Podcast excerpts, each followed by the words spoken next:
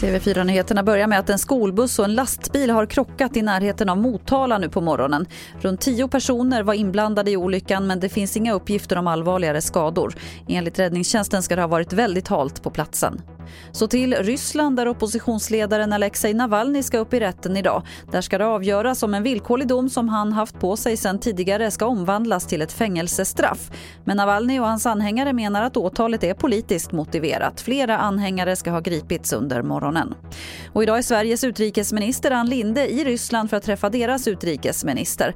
Då kommer hon bland annat ta upp hur de ryska myndigheterna hanterat den senaste tidens demonstrationer. Hon kommer också att kräva att oppositionsledaren Alexej Navalny Navalny och andra som gripits i protesterna ska släppas.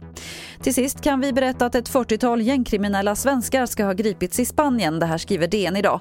De misstänks förse Sverige med knark från olika delar av världen via Spanien.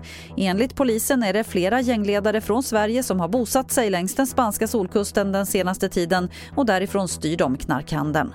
Det var det senaste från TV4 Nyheterna. Jag heter Lotta Wall.